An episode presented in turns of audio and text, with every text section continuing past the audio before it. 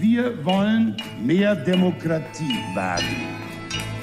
Heute sehen wir uns die CDU an, auch ein bisschen SPD und ein bisschen AfD, aber primär sehen wir uns die CDU, die CDU, die CDU.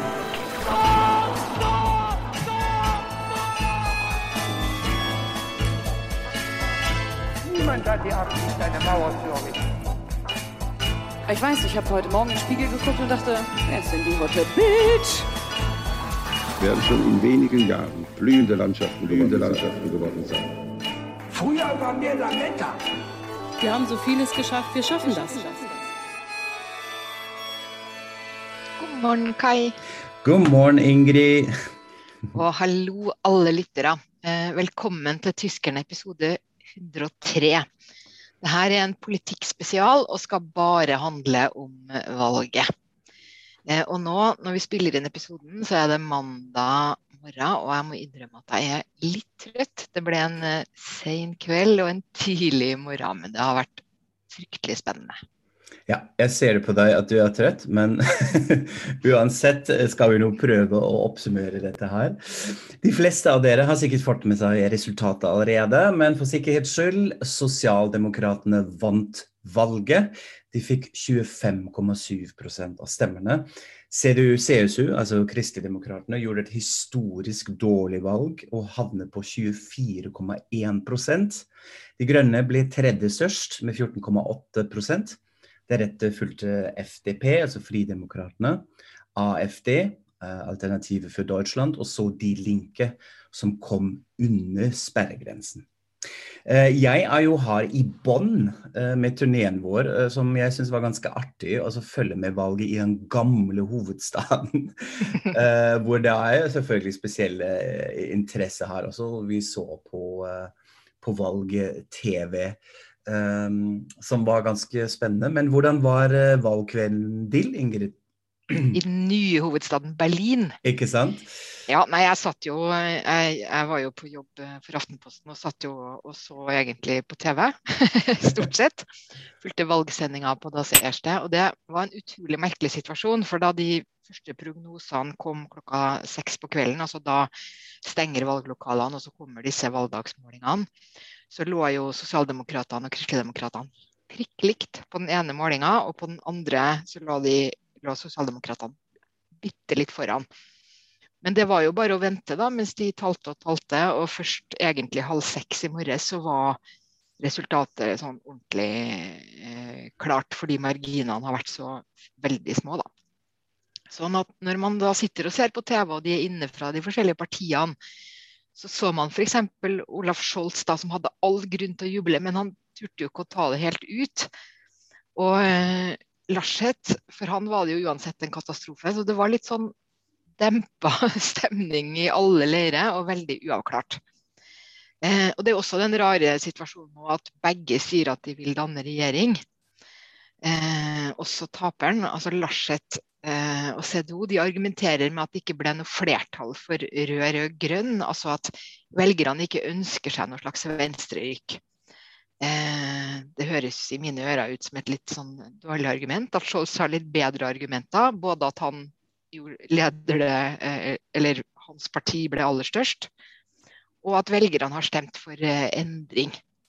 Eh, Men problemet for Scholz det er jo at det er da FDP og De Grønne som sitter med makta. Det er de to små partiene, eller små og små, mellomstore partiene, som kan velge hvem de vil regjere med. Og da ser det ut som at det hele begynner med at de to partiene nå snakker seg imellom. Så får vi se hva de kommer fram til.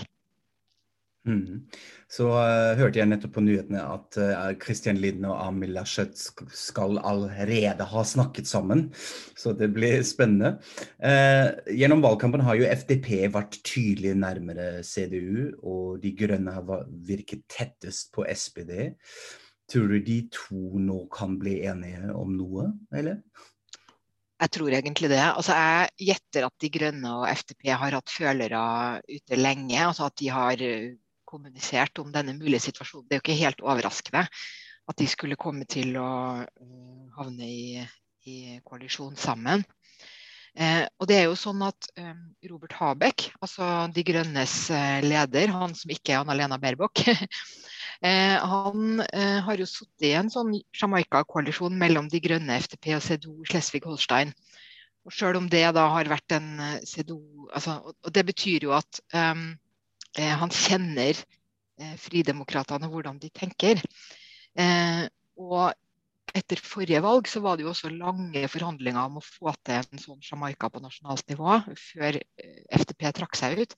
Men igjen, det betyr at De grønne og FTP egentlig etter hvert kjenner hverandre godt, godt. Og de vet jo da hvor problemene ligger, og hva det er de må liksom angripe først for å, for å kunne samarbeide. Mm. Men tror du at eh, FTP og Linn blir med på et samarbeid med Sosialdemokratene? Ja, jeg, tror egentlig at det kan godt være mulig. Det finnes jo en sånn koalisjon nå i Rheinland-Pfalz, så også her har de fått til den, dette på delstatsnivå. Og så er det jo litt sånn som du sa, det med at Larseth og Linder har snakka sammen. og De er jo også personlige venner, så det er en litt sånn rar ting.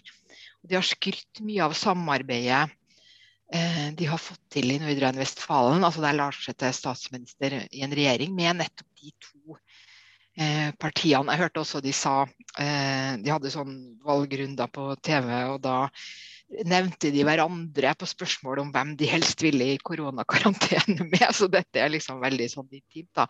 Men eh, samtidig er nå en gang eh, valgresultatet blitt sånn at FDP er mindre enn De grønne, og SPD er større enn CDO-CSO. Sånn at jeg tenker jo at, at FDP ikke har så stor innflytelse at, at altså jeg tenker at det vil bli vanskelig for han å presse frem at han vil at de skal regjere sammen med noen som også har lidd et sånt nederlag, som uh, CDO.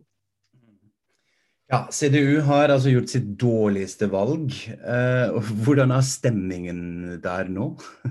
jeg gjetter at de er i sjokk. Altså, det er jo Én ting er jo å se meningsmålingene. Noe annet er jo å se valgresultatet. Og så er det noe med tenk på alle de som nå ikke kommer inn i forbundsdagen, og alle de som eh, lenge har ment at Larseth er feil mann på feil plass. Sånn at eh, å holde noe slags ro og harmoni internt kommer til å bli kjempevanskelig. Og det gjør jo også at de ikke er så, kanskje ikke er så attraktive da, når man skal danne eh, regjering. Og allerede nå i morges så hadde jo de vel til en lekkasje om konflikt mellom fraksjonsleder Alf Brinkhaus og Larseth. Fordi Larseth tydeligvis prøver å sikre at hvis det ikke blir noen regjering, så kan han bli fraksjonsleder. Eh, og det reagerte selvfølgelig Brinkhaus på. da. Så de er egentlig allerede godt i gang. Mm. Men det store spørsmålet som alle hele verden venter på, nå tror du Tyskland får ny regjering?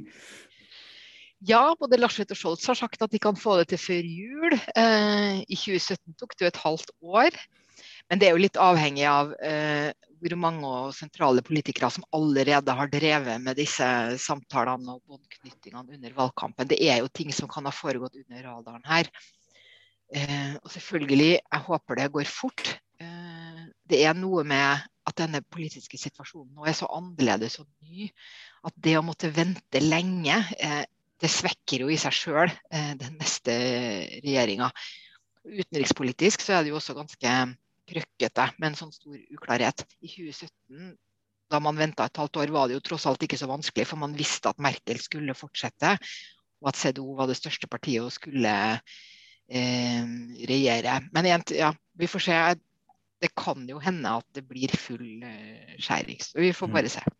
Så kanskje Angela Merkel vil styre en liten stund fremover. Kan hende. Vi får se. Skjedde det ellers noe gøy, da? Ja, altså jeg må jo si at jeg fryda meg litt når jeg leste at uh, Hans Georg Masen, uh, som vi har snakka om før, altså den tidligere sjefen for sikkerhetstjenesten, som stilte til valg for CDO, ikke kom inn. altså Han er jo en slags hva skal man si, ytre høyrefløyen i CDO og har drevet med sagt utrolig mye rart og antisemittisk og hva vet jeg. Og han ville virkelig blitt en plageånd i forbundsdagen, så nå slipper vi det. Og gøy og gøy, altså hele Alternativ Tyskland eh, krympa jo også litt. Antagelig litt for egne, pga. egne interne problemer, men, men, også fordi de ble veldig ignorert i valgkampen. Altså, det var tydelig at veldig mange bare valgte å overse dem, altså andre politikere. Eh, og i fire år nå har jo AFD vært det største opposisjonspartiet i forbundsdagen. Og uansett hva slags regjering det blir, så får de ikke den posisjonen igjen. Og det vil jo fortsette å gjøre dem mer usynlige, da. Mm. I går var jo, som vi sa sist, den storvalgsøndagen. Eh, så det var jo eh, to delstatsvalger der også. Hvordan gikk det der? Sosialdemokratisk fryd og glede i, på alle hold, må man kunne si. Altså I Mecklenburg-Vorpommern så fikk SPD nesten 40% En triumf for Manuela Schwesig, eh, som også er statsminister der. Og fortsetter å være det, da, og kan velge og vrake i eh, koalisjonspartnere. I Berlin var det mye mer sånn tett på. De lå lenge kant i kant. altså Sosialdemokratene lå lenge kant i kant med de grønne, men de trakk altså det lengste strået til slutt. Så da blir høyst sannsynlig Franziska Giffey ny borgermester i Berlin borgermester i Berlin. Altså første kvinnelige borgermester. Og sikkert også første som er fratatt uh, doktorgraden etter plagiat. Da. Hun måtte jo gå av som uh, utdanningsminister i Merkels uh, regjering i vår. Men nå er det ny tid, nye muligheter. ja. og, og, hvordan gikk det med folkeavstemningen i Berlin, som vi snakket om sist? da? Ja, altså der skulle de jo stemme for om et forslag, om et forslag som handler om at store boligselskaper som eier mer enn 3000 leiligheter, skal, måtte, skal tvinges til å selge de overskytende til det offentlige. Og dette flertallet fikk altså 56 av stemmene. Eh, og er dermed eh, altså et solid flertall eh, ønsker denne beslaglegginga eller eksproprieringa, eller hva man skal kalle det. Men jeg så også en, en analyse som viser at eh, når de spør, har spurt folk hvorfor de stemte for, så, så, er ikke, så, er det mange som ikke ønsker at det skal gjennomføres i praksis. De ønsker, ønsker å gi et kraftig signal om at husleiene i Berlin er altfor høye, og at det er et kjempeboligproblem. Eh, og formelt så er jo denne folkeavstemninga rådgivende. Så det blir jo opp til denne nye, eh, den nye eh, byregjeringa hvordan de vil forholde seg til denne veldig krøkkete saken. Jeg, jeg, jeg, hørte på TV det ble kalt for en giftpakke. Er det de får i fanget når de liksom skal begynne, da. Mm, ja, Det blir spennende å følge med deg òg. Men det skal vi ikke gjøre nå. Eh, nå skal du hvile litt, syns jeg, Ingrid. Du har jobbet helt sinnssykt rundt her for, for, oss alle. Tusen takk. Jeg syns da runder vi av og sier takk fra oss, både fra gamle og den nye hovedstad i, i Tyskland. Følg oss på Facebook og på Insta, eh, og støtt oss på Patrion. Så sier vi auf Wiederhøen. Auf Wiederhøen.